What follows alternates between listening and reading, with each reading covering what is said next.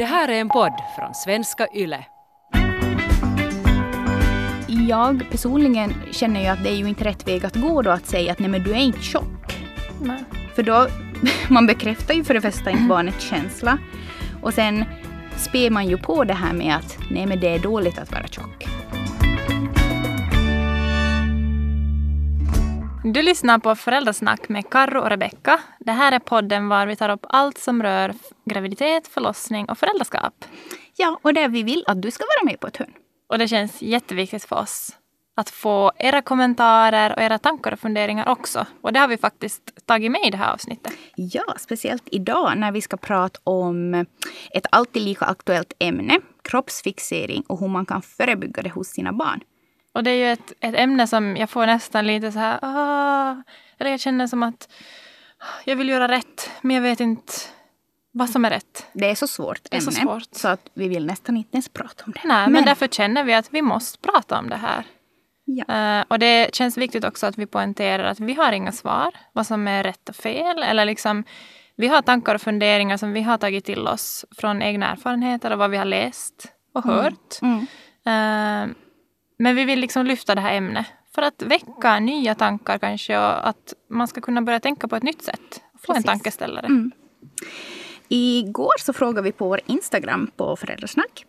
ehm, varför tror du att det är viktigt att reflektera över hur man som förälder pratar om sin kropp framför sina barn? Eller också ser hur man ser på sin kropp framför sina barn. Och vi fick ju supermånga svar, tack för det. Um, vi tänkte att vi skulle lyfta speciellt en kommentar som uh, vi tyckte att var ganska träffande. Uh, Min mamma har alltid pratat om sin mage som putar och hon måste gömma den. Och då är hon väldigt smal och har aldrig vägt mer än 50 kilo. Att säga det här framför sina tonårstjejer har helt klart påverkat oss. Och jag hade själv väldigt jobbigt när jag gick om henne i vikt. Så jag kommer aldrig att kommentera min kropp på ett negativt sätt framför mina egna barn. Är det här någonting som du så här, känner att du har växt upp med? Föräldrar som har kommenterat sina kroppar och sett på sina kroppar på ett negativt sätt?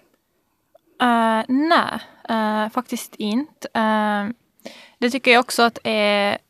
För jag som reflekterar mycket kring det här idag när jag själv har två, har två döttrar så har funnit någon sorts tröst i det här att alltså min egen mamma hon talade aldrig negativt om sig själv när jag var liten. Eh, hon har aldrig gått på några dieter, hon har aldrig bantat, hon har aldrig tränat för att gå ner i vikt. Hon har som Alltså motsatsen till den här kommentaren faktiskt.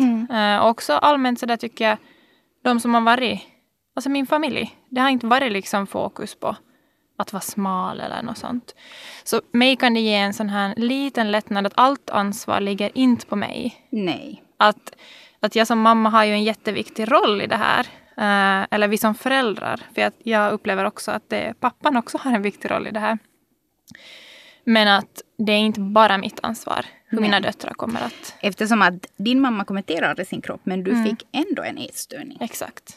Och det är väl det du menar? Att det, Det är är, det som jag en menar. tröst. Mm. Liksom att det, det är inte din mammas fel att du fick en ätstörning. Exakt. Mm.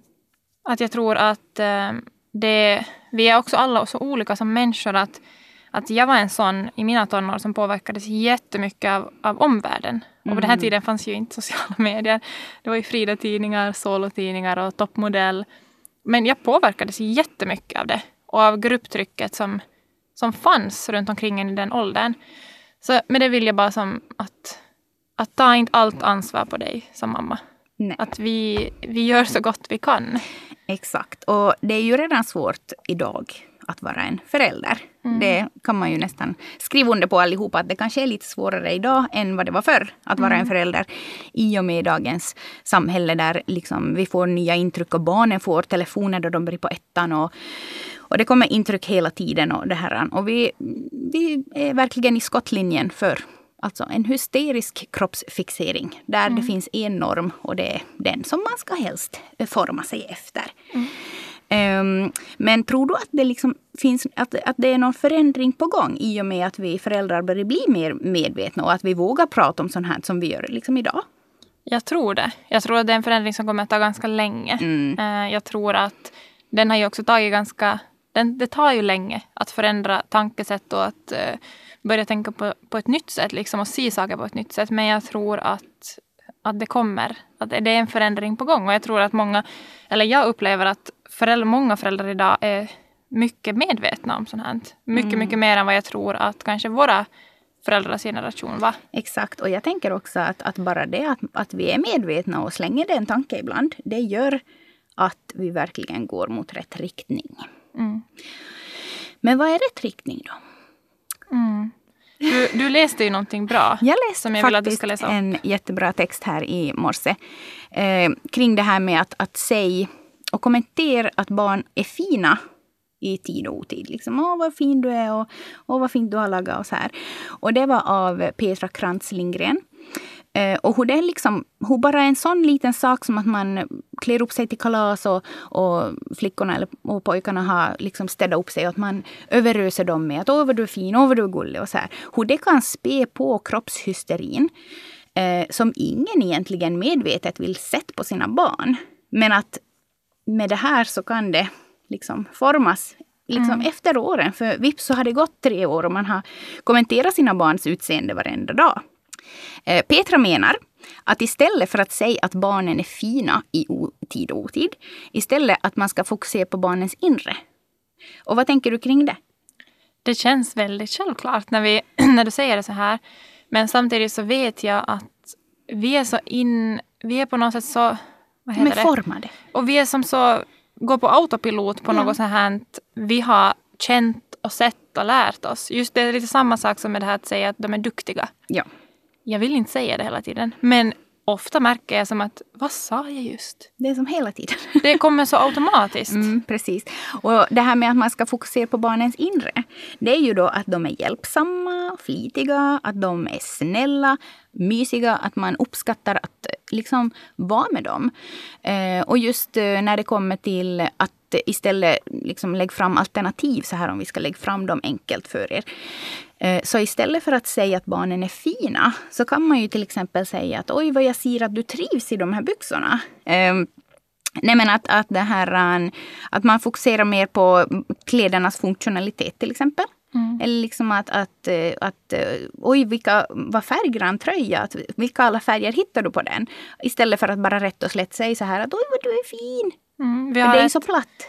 Ett litet sånt exempel på det här som har gjort ont i mitt hjärta är att jag har, jag har ju två flickor. En som är Alma är fyra och ett halvt och Thea är två och ett halvt. Uh, Alma har jättelångt långt hår, uh, lockigt oftast. Och det här tycker många om att kommentera. Mm. Speciellt lite äldre människor kanske. Att hon har så fint hår. Och så står lilla syster vid sidan om med sitt korta, det tog länge innan hon började få hår. Uh, och ser ner i, ner i golvet och ingen kommenterar hennes hår. Ja.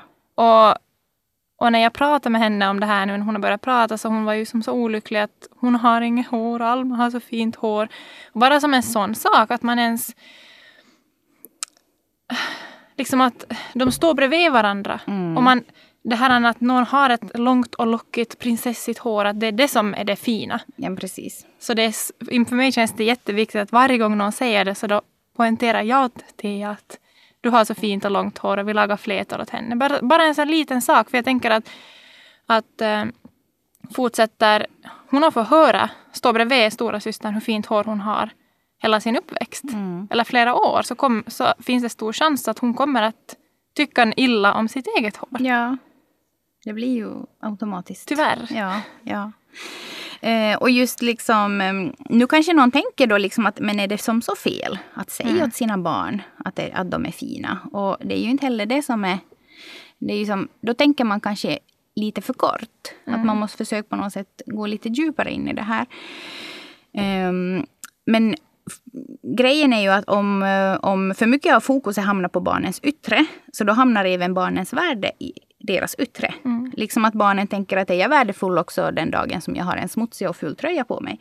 Eller Tia, är jag värdefull också den dagen då mitt hår är helt risigt och smutsigt? Mm. Utan att man mer eh, fokuserar på det här inre som, som är med barnen varenda dag som de inte kan påverka utan att de, de är fina inuti. Och inte bara på, liksom på det yttre. Och då kan jag också tänka mig att, att det finns säkert många som när man, när man tar upp det här som pratar om men ska man nu måste, bla bla bla. Man, liksom att är det nu verkligen så viktigt och sådär. Uh, och jag tror att det är viktigt. Jag tror att det är viktigt också bara den saken att man börjar... För mig har det varit viktigt att, att börja fundera på det och inse hur lätt jag själv säger att du är fin. Hur lätt jag själv säger att oj vad duktigt. Att bara som komma på med den, att, att hitta liksom synonymer till det. Som mm. att istället för att bara automatiskt säga oj vad duktig du var som ritade det. Att oj vad roligt att du vågar rita det där. Speciellt när jag märker att mina flickor får prestationsångest. Mm. Så att hitta då ord som uppmuntrar dem. För jag märker redan att de eh, kan fastna i att det de ska prestera är, ska vara på ett visst sätt. Men precis. Att de får bekräftelse utifrån sina prestationer. Exakt. Och det är ju det där som vi vill liksom lyfta och prata om idag. Att, att, eh, att barnen inte ska behöva söka bekräftelse liksom av andra. Utan att de mer ska kunna få... Liksom, att man bygger upp det från att det är små deras självkänsla så att de kan söka sin bekräftelse inåt. Mm. Och skulle det finnas ett rätt svar på det här så skulle det vara jätteskönt. så där är också det att jag tror att ja, det viktigaste är att vi vågar börja fundera på det här. Och att man inte att fast man kan känna, jag har känt också ganska mycket så skam till att tänk om jag gör fel, tänk om jag säger fel, tänk om jag gör fel. Så att de också känner som jag känner. Men då måste jag också ta mig själv utifrån mig själv och så här att mina barn är ändå två egna individer. Mm. Att de är inte som jag. Att jag kan bara göra det jag vet att jag ska, att jag ska behöva höra. Jag ställdes ju också där inför, det var ju, men det var ju en tid sedan faktiskt. Det var när vi gjorde ett tidigare avsnitt. Så när jag satt och plattade mitt hår eh, på golvet. Eh, och så råkade jag bara, Alma fråga, vad, vad gör du? Varför, varför plattar du ditt hår? Så bara, mamma vill bli fin i håret. Mm. Eh, och jag har ju då självlockigt hår. Så tittade hon på sitt eget hår och var så här, men får jag platta mitt hår eller vad hon nu frågade. Eh, då märkte jag som också att oj, det där blev ju som inte så jättebra. att nu försöker jag använda andra ord bara. Mm. Och det där är ju som att, inte, okej, okay, inte det är ju något fel att jag sa det, men att det är bra att bara tänka själv på att jag behöver kanske inte säga att, att jag gör mitt hår fint, för då tittar hon på sitt eget hår och tänker att det här håret är inte fint. Mm, precis, och just det där att man inte är heller som så jättehård mot sig Nej. själv, utan att man, man lär sig liksom med, jag tänker att, att från den dagen att man blir mamma så lär man ju sig varenda dag, eller förälder då. Och liksom att man kan inte göra rätt varenda dag. Nej, absolut inte. Men att, eh, att det här, vi vill ändå uppmuntra till att, att eh, läsa kanske lite om de här grejerna och, och tänk på dem för att just förebygga att inte barnen ska få jätteskeva kroppstankar mm. om sig själv. och så här. Men hur var du själv då i tonåren till exempel? För det är det som jag lite så här försöker bygga upp till. Eh, att mina barn blir tonåringar. Jag är ju typ livrädd inför det. Eh, liksom att, hur såg du på din kropp i tonåren? Du hade ju den här ätstörningen. Och, och liksom, tänker du att det finns någonting som skulle kunna ändra på hur du såg på dig själv?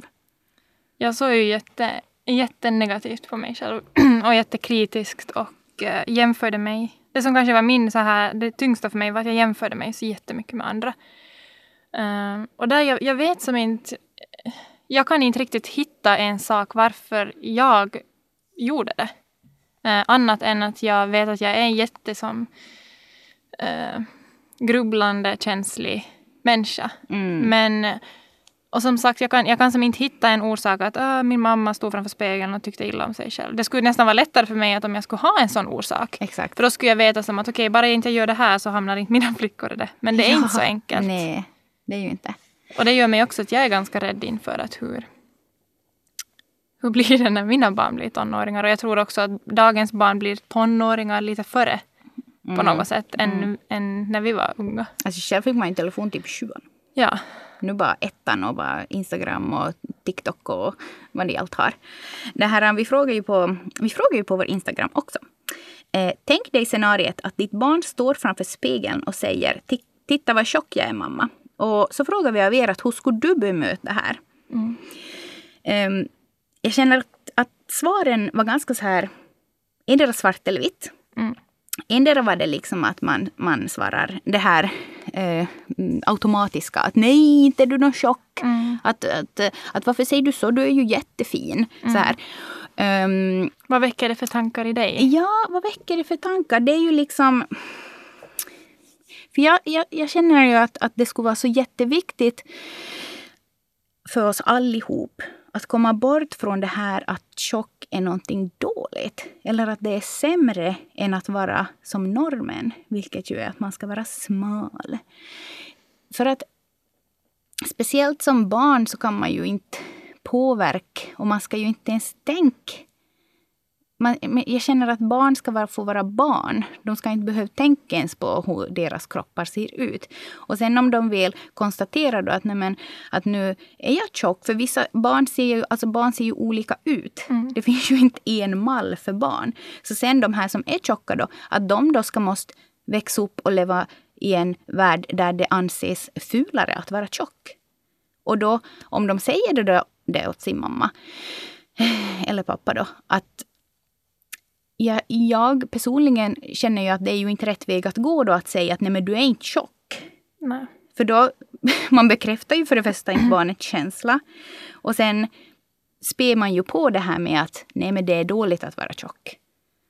Men jag tror att det är en ganska jag kan tänka mig att det är en ganska naturlig respons som kan komma om man mm. inte sätter mycket tank, om man inte har funderat mycket på den Nej, här saken. Exakt. För att det är det som vi typ har i ryggmärgen. Fast mm. vi inte, jag tror att många förstår inte ens hur mycket vi har det. Att vad som anses positivt och vad som anses negativt, fint eller fult. Mm. Men det är på något sätt så inrotat i oss. Mm. Alla, nästan alla tror jag.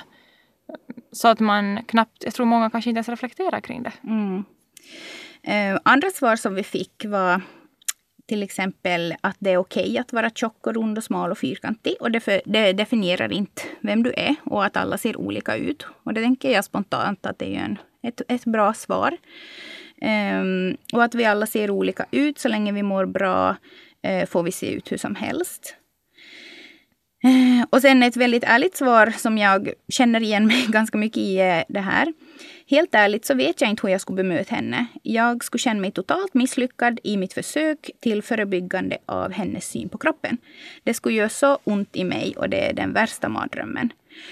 Och eh, där kan jag också känna igen mig förr. Eh, som sådär att, alltså där skulle jag också ha tänkt förr. Men nu så tänker jag inte heller att det är världens mardröm. För att för ett barn så är ju liksom allting som, som vi pratade om i morse också. Mm. Att, att man själv analyserar så mycket. Att varför säger hon så här och varför tänker hon så här? Men sen för ett barn så kanske det är bara som så här att, att se vad tjock jag är. Mm. Och vet du, mitt i allt så är det inte ens något negativt för det här barnet. Plus att det kanske är vi då som lägger en värdering. Exakt. I misstag på Ja, i, att, i och med att vi säger då nej, det är mm. du nog tjock. Det här, I den här texten då som jag hade läst av Petra så säger hon då att Eh, att det givna svaret många eh, liksom ger då är ju det här just att, att, att nej, att du är inte alls något tjock, att du är helt normalt och att du är jättefin. Ehm, men att det då kan finnas två problem med det här. Så Petra menar att för det första så ger inte det här svaret det här som den här flickan behöver höra. Och det är ju då förståelse. Eh, förståelse för henne hur det är att känna att hon är tjock och förståelse för hur viktigt det är för henne att uppleva sig så fin. Och när mamman då säger, som vi just pratade om, att du är inte alls något tjock, så får ju inte det här barnen någon förståelse från mammans sida. Utan hon hör istället liksom att, att eh, du, känner, du känner fel. Att det är, mm. fel, det, är, det är fel att vara tjock och du, du ska inte känna att du är tjock, för det är liksom inte någonting som vi vill känna. Och det är just det här som vi just nuddar vid. Mm. Att man, barnet kanske inte ens menar något negativt. Men sen så sätter man själv som mamma då den här stämpeln på att det är någonting negativt att vara tjock. Och man kanske bara gör det också i förbifarten sådär som att Äh, men sluta fundera på det där mm. nu. Och sen så finns det ju jättemånga som är så här, men att det är ju jättefel att vara tjock. Man får hälso, liksom, liksom, nej men du vet vad jag menar. Men alltså det är barn det handlar om nu. Mm. Det är inte någon sån här typ USA stora som de måste lyfta ut liksom med några kranar. Utan det här är ju liksom barn som mm. det handlar om. Och de ska inte ens behöva tänka på de här sakerna. Och sen om de uppfattar sig själva som tjocka så kan vi försöka allihopa gemensamt att förebygga att det är inte som något dåligt. Mm. tänk också om vi då börjar ifrån att de är små och liksom att vi kan eh, liksom så ett frö inom dem att det är inte något fel, att alla storlekar är fina och värdefulla. Det kan också förebygga mobbning sen mm. i skolan. För att de då, alla de som är enligt normen då, om de då tycker att det är som så himla dåligt att vara tjock. Så tänk på alla dem, tänk på alla barn i en skola. Hur alla ihop ser olika ut. Mm. Det andra problemet är att allt faller platt och mamman lyckas inte förmedla det budskap som hon vill förmedla med att säga bara att nej, men du är inte tjock. Och som förälder så vill man lära sitt barn att eh, alla barn duger precis som de är och att alla barn oavsett utseende är värdefulla och värda att bli älskade. Eh, men att det här förmedlar hon ju inte om hon säger att hennes mage visst är fin. Istället bekräftar hon genom att hålla kvar samtalets fokus kring dotterns utseende att uppfattningen om att utseende visst är viktigt. Och du är normal, din mage är jättefin. Vilket outtalat ändå blir väldigt tydligt att barnet hör. Alltså har du ingenting att bekymra dig över. Mm. Och det här med normal är också ja. en intressant mm. fråga. Vem, att, att man som förälder då tar ja, definiera då för barnet vad som är. Eller liksom också det att om man då bekräftar barnet att säga då till exempel att, att du är inte tjock. Så som ett eh, barnet det kan ju också sätta igång liksom funderingar kring i barnet då. Men om jag blir tjock? Exakt. Eller om jag känner mig tjock, då? är det fel då? Ja.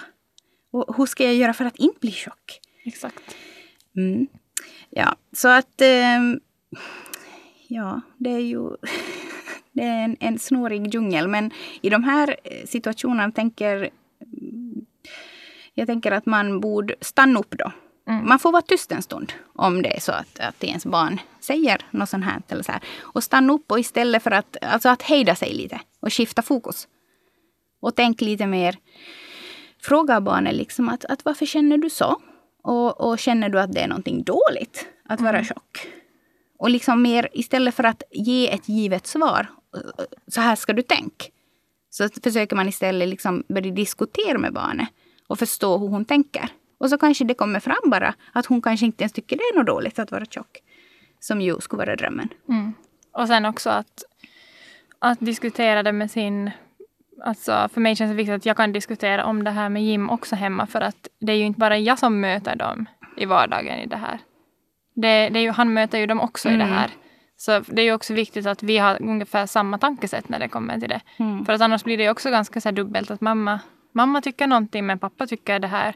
Och då är vi också olika som barn att vi, vi kan värdera föräldrars eller andra nära människors liksom, åsikter och ord på olika sätt. Mm. Att det kan, fast man kanske tror att mammas åsikt är viktigast men för något barn kan det ta till sig att någon annan säger någonting. För att man vet att mamma älskar den ändå, hur mm. man är. Liksom.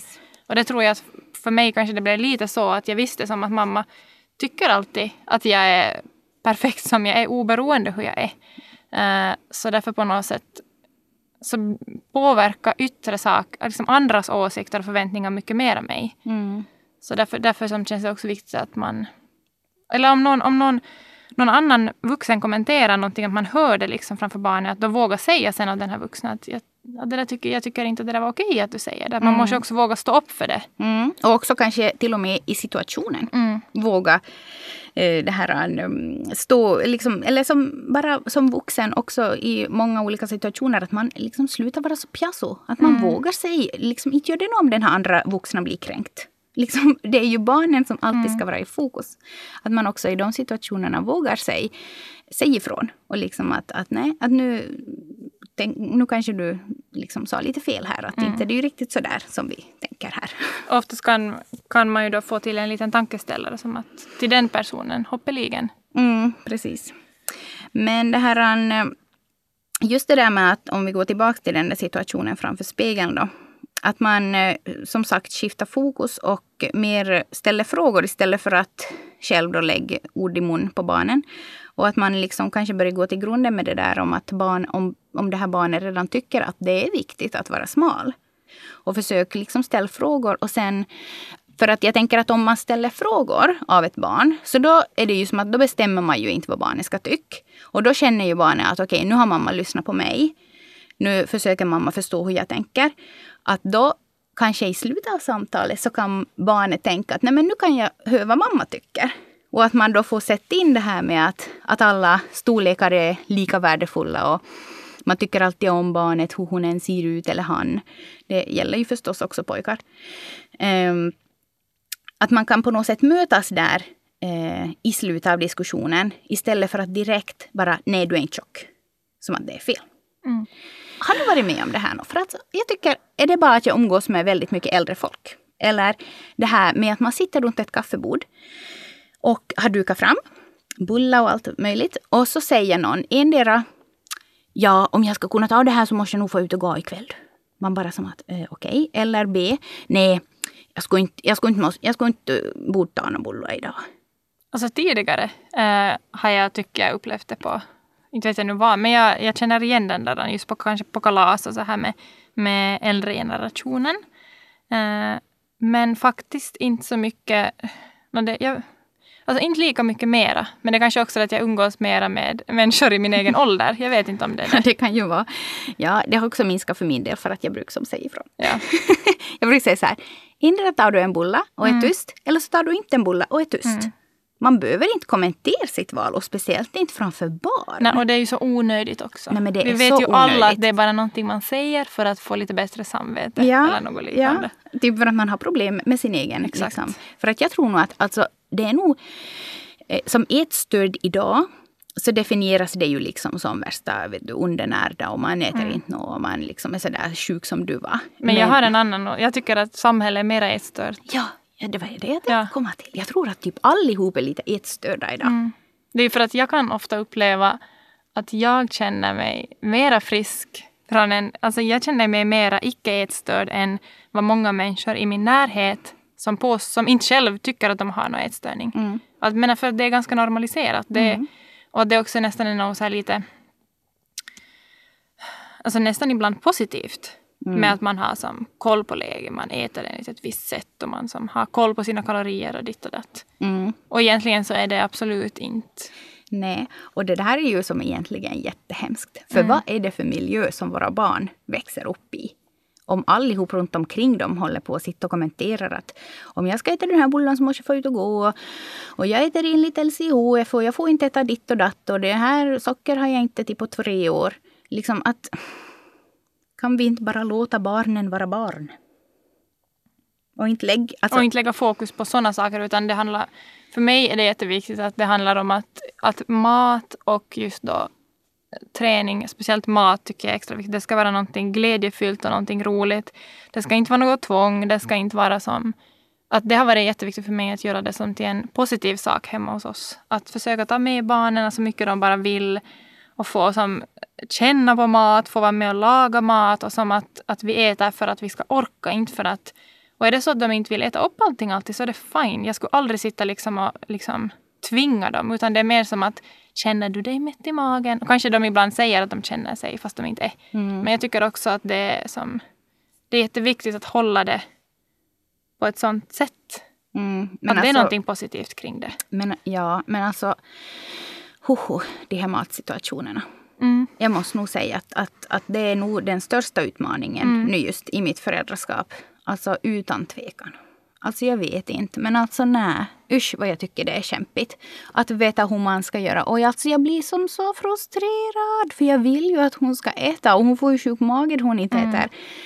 Och, ja, och då börjar jag ju överanalysera. Då, liksom, att är det för att hon eh, tänker si och så? Eller liksom, men hon säger ju bara att hon tycker inte om maten. Och nu har jag smakat och jag tyckte inte om. Men liksom, ska hon gå utan mat då?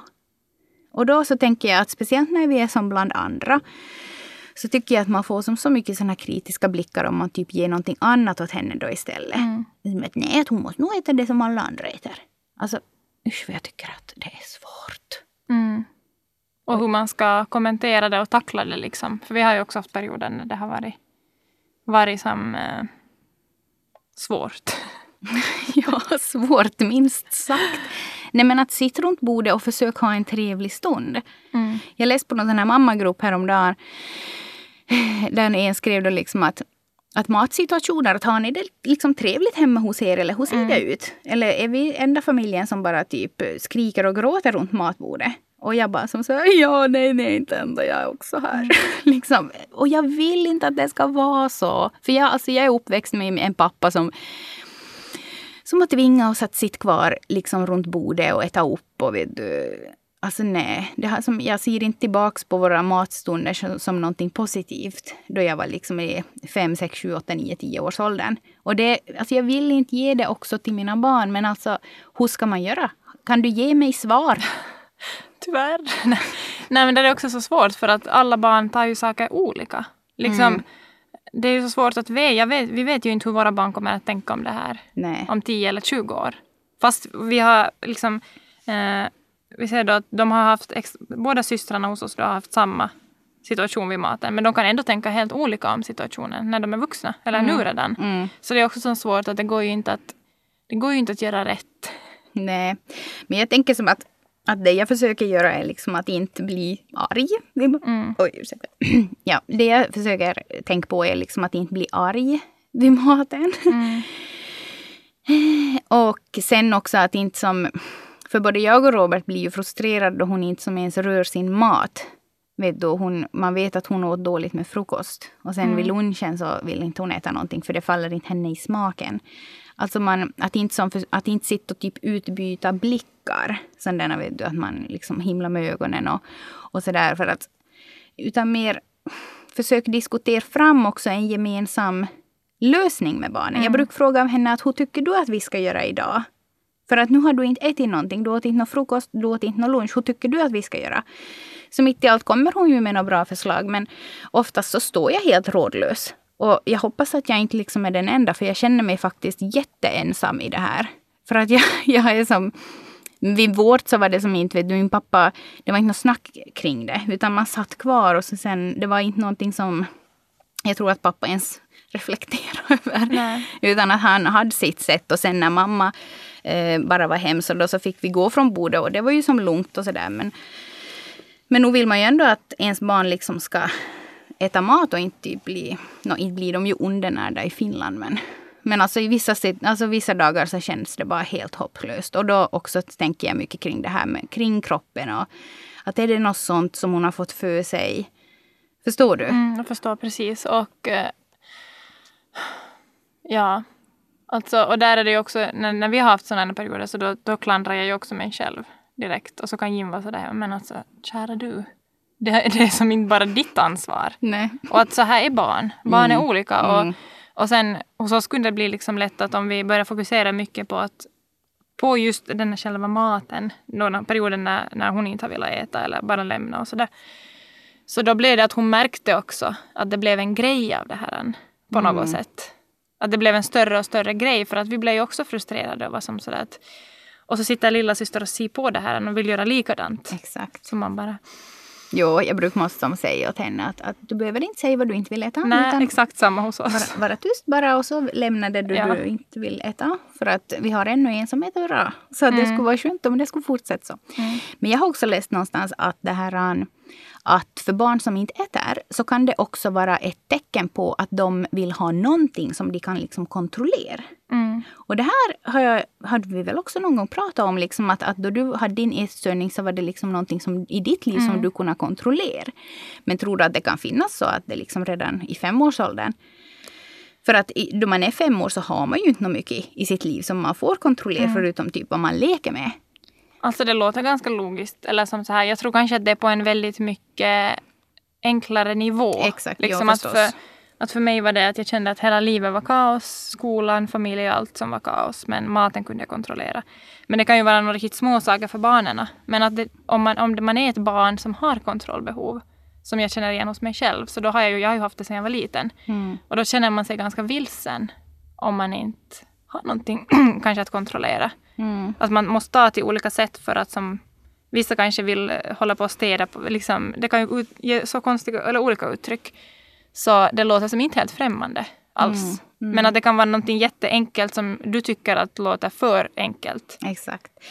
Så kanske då att jag som måste typ införa mer sådana här grejer som hon kan få liksom bestämma över. Och ta ansvar. Ja, och ta ansvar över, över i, liksom, i sitt liv. Och mitt i allt så skulle det då kunna påverka eh, matsituationerna. Och jag tror att eftersom att ingen har ett svar så tror jag att man vill ju, man vill ju prova fram allt. Liksom. Man gör ju vad som helst. Ja. Så då, då känns det som att sådana saker som ändå är positiva så gör ju ingenting. Fast man skulle testa det och så skulle det ändå inte fungera. Nej, precis. Ja, vi skulle kunna prata hur länge som helst om det här. Ja, men just kring det här med hur man själv ser på sin kropp och liksom om ens barn börjar ha några tankar kring att hon är tjock. Så då borde ju Jag tänker att, så här att, att som en liten utmaning så skulle vi kunna ha åt oss själva och åt alla er som lyssnar att börja tänka att utgångspunkten är inte att tjock är lika med dåligt. Mm. Utan att att eh, alla människor, oberoende storlek och eh, utseende och eh, allting, är liksom lika värda. Och att på något sätt, fast inte ens barnen har tagit upp det, att man själv tar upp det. Mm. Och sen att om man känner sig ensam och vill säga allt det här, att våga prata med, med andra människor, om det då är en vän eller en förälder eller vem det kan vara. Eller att man då söker hjälp om det känns att man behöver stöd. För att jag kan tänka mig att om man inte har någon nära att bolla idéer kring det här så är det jätteviktigt att, man, inte, att man inte ska vara rädd heller för att våga prata om det. Fast, för ingen är perfekt. Nej, precis. Och just att man liksom vågar ta upp det med sina vänner. Mm. Och som att, har du tänkt på det här? Mm. Och att man vågar ta upp det med sin partner och har en, har en gemensam ståndpunkt. Mm. Att vi kommenterar inte andras kroppar. Vi, kan, vi behöver inte heller kommentera varandras kroppar i vardagen. Eh, och ja, just att, att vi liksom vågar börja prata om det här. För att det, jag kan tänka mig att det, det gör skillnad. Mm. Och det var det vi ville med det här avsnittet också. Att lite väcka, väcka nya tankar och funderingar. Mm. Och vad ska vi tala om nästa vecka? Nästa vecka har vi med oss en gäst. Vem är det? Sara Jungersten. Hon är eh, doula, Mm. bland mycket annat. Och vi kommer att prata om våra egna erfarenheter av att ha doula. Jag har haft det en gång, du har inte haft det ännu. Men nu inför din tredje Mm. förlossning kommer du att ha det. Och du kommer att få berätta om varför du har valt att Mm. eh, gå denna väg den här tredje gången. Och jag berättar om hur, hur eh, det faktum att vi har doula helt förändrar min syn på förlossning. Mm. Och hur det lekt min första förlossning som var ett stort trauma för mig. Och det är det jag väntar på, att det ska leka mina förlossningar. så jag har höga förväntningar. Så här, om inte leker så då vill jag pengarna Ja. tillbaks. ja. ja, men det ska bli superintressant. Och vi hoppas att ni följer oss på Instagram, Föräldrasnack. Och kom ihåg att ni hittar vår podd på arenan. Ha det bra. Ha det bra så hörs vi nästa vecka. Hej då!